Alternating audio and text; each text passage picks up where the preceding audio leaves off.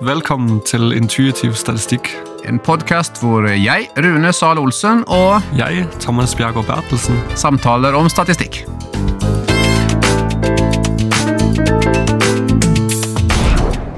I den forrige podkasten snakket vi om enkelregresjon, altså at én variabel skal predikere en annen.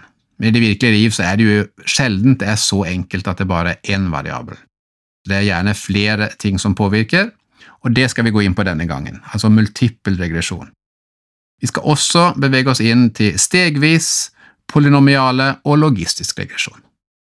Multiple regresjoner, altså det er regresjoner som har flere enn én prediktor, eller da en uavhengig av variabler. Det vil si at vi skal, vi skal predikere noe, og så bruker vi mer enn én ting. Til nå har vi snakka om å predikere utfallet av eh, parterapien ved antall timer.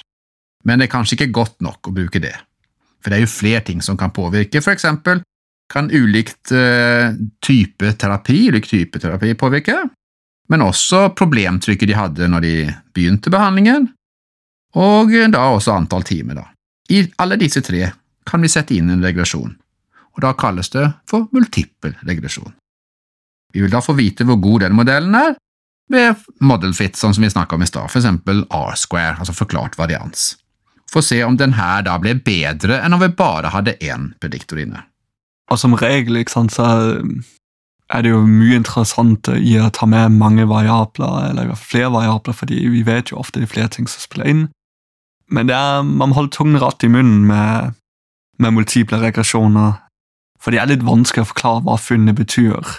For nå er det ikke lenger bare hvordan én variabel påvirker um, et fenomen, men det er hvordan én variabel påvirker et fenomen relativt til en annen eller tredje eller fjerde variabel. Ja, men så er det jo også sånn at jo flere vi stopper inn, jo mer på en måte klarer vi å forklare av et fenomen. Mm. Nå holder vi på med menneskelige fenomener, og menneskelig liv påvirkes både av åssen været er, åssen vi hadde det på morgenen, hvilken mat vi spiste, relasjonen min til terapeuten min, og kanskje om jeg blir forelsket i noen i dag eller ikke.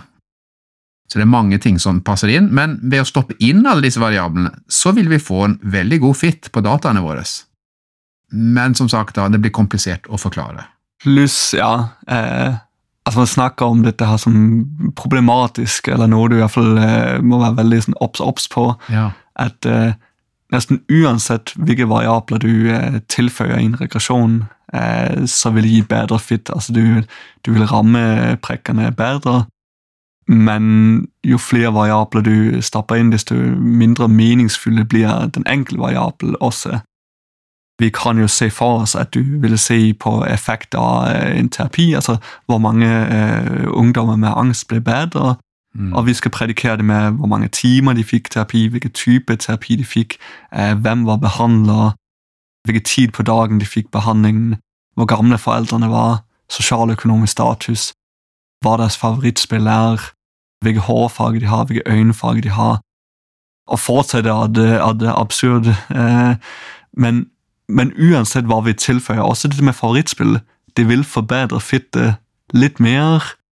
Men når vi da skal tolke igjen, hvilke av disse variabler er da viktig? Det kan være at ja, men eh, for hver ti terapitimer du fikk mer, relativt til at du liker å spille Counter-Strike, eh, relativt til at du har blå øyenfarge, relativt til at dine foreldre tjener så og så mye, relativt til Det blir hele tiden en relativ, relativ, relativ Og det er kanskje vanskelig egentlig å si noe om hva det betyr i praksis. da. Og så kan man da ende opp med sånn ja, hvis dine foreldre er noe yngre enn gjennomsnittet, og du er litt eldre enn gjennomsnittet, da får du andre resultater da kan man begynne å spørre hvor stor effekt har nå denne terapien, da, hvis det kommer an på det, og det kommer an på det, og det kommer an på hvordan solen sto på himmelen til slutt. Men det trenger jo ikke bli så komplisert når man kjører multiple regulasjoner, for det høres jo nesten ut som at det er jo nesten håpløst, men det er det jo ikke. Nei, det, det er det ikke. For vi må ha, Ideen er jo at vi ønsker å få svar på et spørsmål, vi ønsker å ha noe å styre ut fra, og noe å ta en beslutning ut fra. Men da står vi også overfor et etisk dilemma. Hvor mange variabler skal vi plukke inn fra denne virkeligheten som påvirker så mange ting? Og hvor mye skal vi forenkle, slik at vi kan forholde, klare å forholde oss til det? Og, der tenker jeg der må man, den som gjennomfører analysen, må, må også bruke egen intuisjon på Når du ønsker å tilføye en variabel i regresjonen, tenker du at det er noe du ville kunne forklare? For eksempel i, i, eh, i vårt lille eksempel her kan det jo være at vi tenker ja, jeg vil godt kunne stå innenfor at, uh, og forklare at for hver femte terapitime du får, relativt til at du har fått uh, familieterapi-type behandling, da tror jeg det har en effekt. Det, det, er intuitivt, men jeg tror ikke det er intuitivt å forklare type øyenfarge, hvordan det er. Så der kan man bruke intuisjon litt for å si er det, er det verdt å ta med mer, eller bør jeg heller um, og da er det enten intuisjon, for så vidt, eller sunn fornuft, eller den teorien som vi bygger på, som på en måte kan være den greia som er der. Men når man leser forskningsrapporter, så står det jo ofte at de har tatt høyde for det ene og det andre, og det høres jo veldig fint ut. Ja, vi har tatt høyde for det og tatt høyde for det, men det betyr jo egentlig bare at de har tatt variablene med i regresjonen, og så prøver de å forklare det enklest mulig. Så, eh, men det er noen farer med multiple regresjon som vi i hvert fall må nevne her, utover det at det kan bli komplisert. For disse variablene kan jo påvirke resultatet i ulik grad. Noen er veldig viktige variabler, som for eksempel da i den greia der, antall terapitimer, for eksempel, og uh, hvilket nivå de var på i uh, problemtrykk når de begynte, mens andre påvirker ganske lite. Og da kan man kjøre noen tester for å se om regresjonskoeffisienten endrer seg mm. ved at man tar vekk en variabel, eller om man stopper den inn igjen. Og Det er en test man rett og slett kan gjøre ganske enkelt med en datamaskin. Ja, og, og der vil man si at, uh, at noen variabler, hvis du tar de inn eller ut, der, der skifter helningen på, på, streken, eller den går i en helt annen retning. Da er det jo tydeligvis uh, det, er en veldig viktig variabel med dette må vi ta høyde for.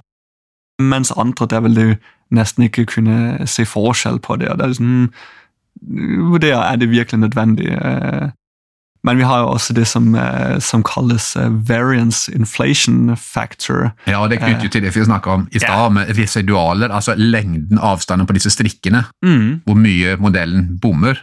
Ja, og man kan si at for, hvert, eh, for hver variabel du tilføyer, der svarer det til at du lager en egen lineær enkeltregresjon bare med den, som har sine egne residualer, sin egen varians, sin egne bom. Så hver gang du tilføyer en variabel, der må du se for, for deg at den har en egen residualnivå. Det betyr at jo flere variabler du tilføyer, desto mer varians eller residualnivå skapes det. Og du kan da bruke variance inflation factor for å se på om hver variabel bidrar mer med å forklare enn det skaper ny varians eller residualnivå. Det vil si variabler som er veldig gode til å hjelpe med å treffe mange, selv om de tilføyer litt ekstra varians residual, så vil det likevel si men det er ikke så mye. Mens variabler som ikke bidrar med så mye, de vil mest av alt tilføye usikkerhet eller tilføye dette nivået residualer. Så kan man se på hvor mye inflasjon det går i eh, variablene etter hvert. Rett og slett hvor mye inflasjon det går i variablene, ja. Men en sentral grunn til at, ikke, at noen variabler ikke tilfeller så mye, er jo gjerne at de handler om noe av det samme fenomenet. Det kan jo være at antall timer, type terapi og tid på dagen du fikk terapi, liksom, eh, at disse korrelerer ganske mye.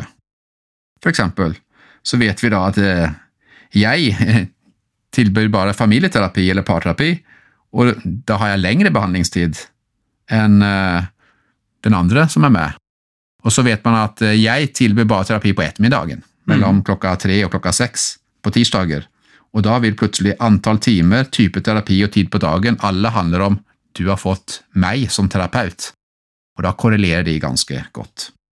I tillegg så kanskje jeg har fått alle de vanskelige sakene, og da er det sånn at flere av disse variablene som i utgangspunktet ser ut til å handle om veldig forskjellige ting, egentlig handler om det samme fenomenet, nemlig hvilken terapeut har du fått. Og det Du kan selvfølgelig noen ganger være så heldig at du kan regne det ut, men som regel så må du nesten sjekke etter eh, det som kalles multikollinearitet. Altså det vil si, er prediktorene egentlig korrelerte med hverandre? For det hjelper til å forstå er det egentlig det samme. Sånn som i ditt tilfelle her, var det egentlig Rune? Det var ikke antall timer familieterapi. Det var ikke egentlig det vi målte. Vi målte fikk du Rune. Der skulle vi egentlig bare hatt én variabel som het Rune.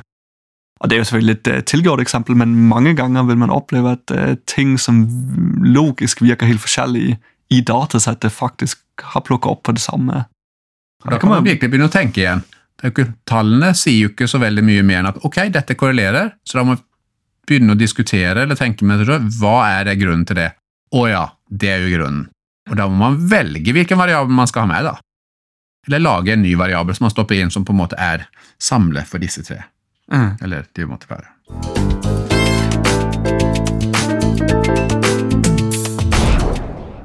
Nå har vi snakket om multipleregresjon. hva det er for noe, at vi har flere prediktorer inne i beregningen vår av regresjon. Nå skal vi gå videre til å snakke om stegvis, polynom og logistiske, som altså er en annen type av regresjon igjen.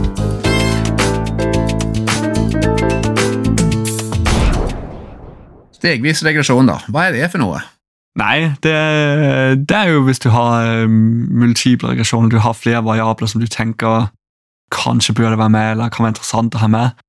Da kan du eh, kjøre flere regresjoner etter hverandre, stegvis eller stepwise, som du kanskje starter med å tilføye antall timer, hvor godt predikerer det eh, utfall. Så man begynner med en enkel regresjon ja. med én variabel som skal predikere en annen, og så legger man til en, en, en kjører på en måte regresjon på nytt med, den, med, med, to variabler, og så kjører han på nytt med tre variabler, for å se hva forskjellen er, jo mye bedre han blir. Og så kan man jo lage regler for seg sjøl eh, som man kan beskrive til leseren, og si at ok, vi velger den eh, regresjonen som har det beste fit, eller vi stopper når vi har de fem, fem eh, mest prediktive variabler det er ikke så mye å si, men at eh, det kan være nyttig å velge på forhånd hva er regelen for hva man skal ha med. Hvorfor velger man én framfor en annen? For Hvis man ikke gjør det, ikke bestemmer seg på forhånd, rett og slett bruker et dataprogram til å gjøre det, så, for det er jo faktisk en del som gjør, da velger datamaskinen ut hvilke variabler som skal være med og ikke. Og det kan gå ganske gale. Ja, det kan det, spesielt uh, i forhold til det vi snakka om i stad med multikularitet. Uh, hvis du er uheldig å ha med variabler som ikke er så logiske, men som egentlig måler noe annet, og vi bare ber datamaskinen velge ut de fem beste predikter i dette datasettet på 100 variabler, da kan det være du kommer fram til at nei, men det er familieterapi og øyenfarge og, uh, og hvor høy du er. Det er, liksom, det er topp tre beste variabler.